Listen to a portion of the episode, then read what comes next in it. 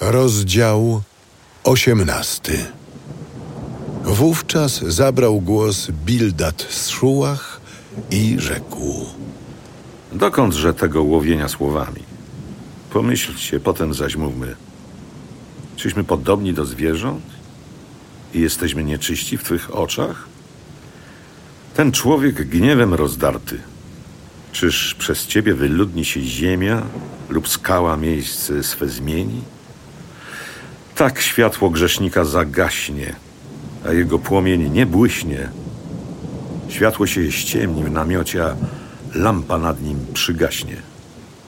Męski krok jego niepewny, zamiar gotuje upadek, bo nogi zawiodą go w sieci. Porusza się, lecz między sidłami. Pętlica pochwyciła mu piętę, pułapka zamknęła się nad nim. Zasadzka przy ziemi ukryta. Potrzask nań czeka na drodze. Zewsząd przerażają go strachy, kroczą ciągle w ślad za nim.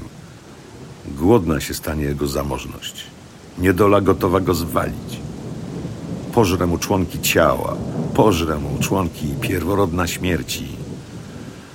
Został wyrwany z bezpiecznego namiotu. Zmusisz go, by poszedł do króla strachów. Zamieszkasz w jego namiocie, bo go nie będzie. W jego siedzibie sypie się siarkę. Korzenie u dołu niszczeją, a od góry więdną jego gałęzie. Ginie o nim wspomnienie z ziemi, zanika imię jego na rynku. Ze światła rzucą go w ciemność, wypędzą go z kręgu ziemskiego. Ani mu syn, ani wnuk w jego narodzie, ani potomek zostanie w miejscu pobytu. Jego dniem lud zachodu zdumiony, grozą przejęty lud wschodu. Więc takie mieszkanie grzesznika. Tu miejsce tego, kto Boga znać nie chce.